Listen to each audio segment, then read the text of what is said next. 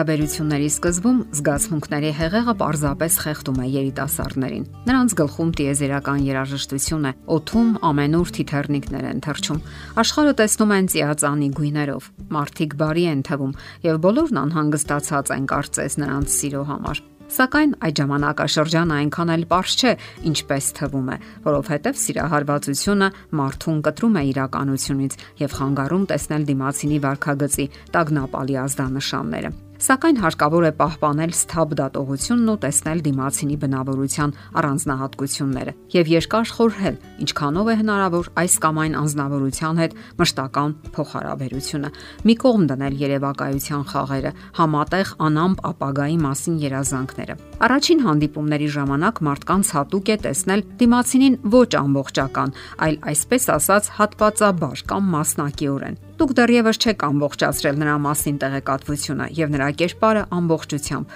Փորձում եք ձեր ուղեղում կերտել մի ամբողջական ու գեղեցիկ կերպար, որը իրականում չկա։ Եվ այս ժամանակ արդեն մեծ է հավանականությունն այն բանի, որ դուք սիրավեպ սկսեք ձեր սեփական երևակայության հետ։ Սակայն որքան շատ են դիմացինի կերպարի մեջ ներդրված մեր երազանքները, այնքան մեծ է հիասթափությունը։ Լսել եք այսպիսի արտահայտություն։ Թրջունը եւ ձուկը կարող են սիրել միմյանց, բայց որտեղ են ապրելու նրանք։ Ահա թե ինչու երկարաժամկետ հարաբերությունների համար զուգընկեր ընտրելիս անհրաժեշտ է ոչ միայն սիրտ, այլ նաև միտք։ Դուք պետք է հրաշալի ճանաչեք ձեզ,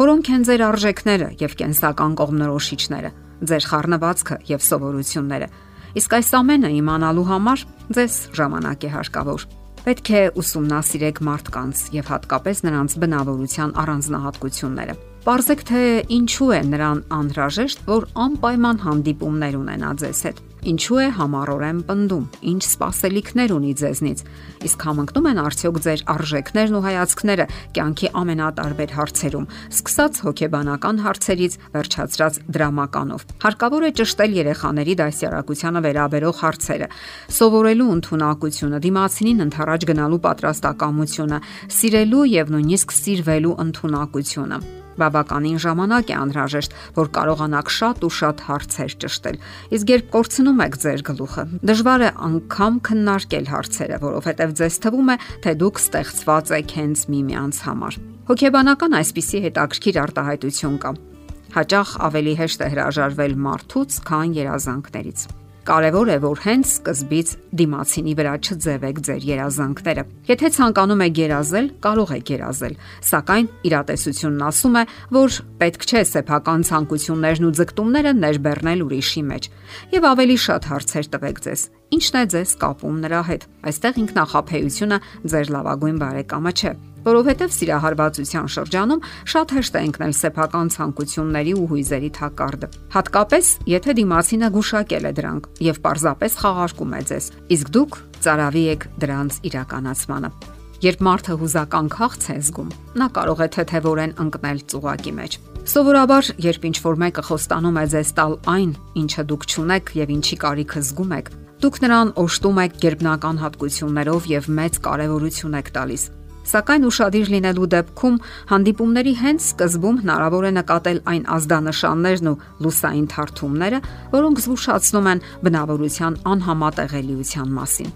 Հոգեբանները նշում են, որ անհաջող ամուսնությունների եւ հանդիպումների իրենց ուսումնասիրությունը ցույց է տվել, որ այդ նախազգուշական նշանները եղել են ամենաառաջին հանդիպումներից սկսած։ Պարզապես կողմերը անտեսել են դրանք եւ լուրջ չընդունելով շարժվել են առաջ։ Բոլոր դեպքերում հարկավոր է չկորցնել դիտողականությունը։ Երբ ձեր երևակայությունը սկսում է ուղեղում գծագրել իդեալական կերպարը, ձեզ հարցրեք. Ինչն է, որ արդեն դուրս չի գալիս նրա մեջ։ Դա անում եք ոչ թե նրա համար, որ չեք ցանկանում հանդիպել նրա հետ, այլ որpիսի չկորցնեք իրատեսությունը եւ անկալման օբյեկտիվությունը։ Եթե դուք ընդունակ եք դիմացինի մեջ տեսնել ոչ միայն դրական, այլ նաեւ բացասական կողմերը, ապա կարող եք ձևավորել նրա ամբողջական կերպարը Եթե հարաբերությունները հաստատվում են միմյանց ճանաչելու եւ իրական բնորոշիչները ընկալելու հիման վրա, ապա դրանք կարող են լինել երկարատև եւ կայուն։ Անկասկած է նաև այն, որ շատ հարաբերություններ հենց սկզբից հարթ են ընթանում եւ հաջողակ ամուսնություններ են կնքվում։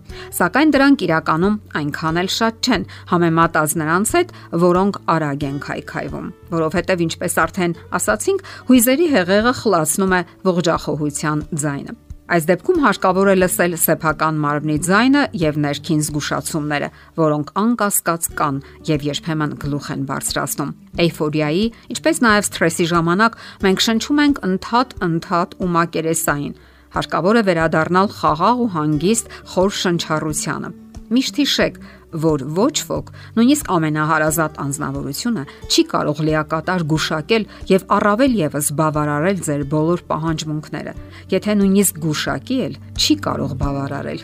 Դա կարող եք անել միայն դուք։ Դուք ավելի լավ գիտեք ձեզ, քան ուրիշ մեկը։ Ահա թե ինչու պետք չէ տրվել զգացմունքների փոթորիկներին եւ հարկավոր է լինել իրատես։ Սիրահարվելը անկասկած հրաշալի է, սակայն ոչ իրատեսության հաշվին զգուշացեք հուզական թակարդներից։ Իսկ դա միանգամայն հնարավոր է։ Եթերում է ճանապար երկուսով հաղորդաշարը։ Ձեզ հետ է Գեղեցիկ Մարտիրոսյանը։ Հարցերի եւ առաջարկությունների դեպքում զանգահարեք 094 08 2093 հեռախոսահամարով։ Հետևեք մեզ hopmedia.am հասցեով։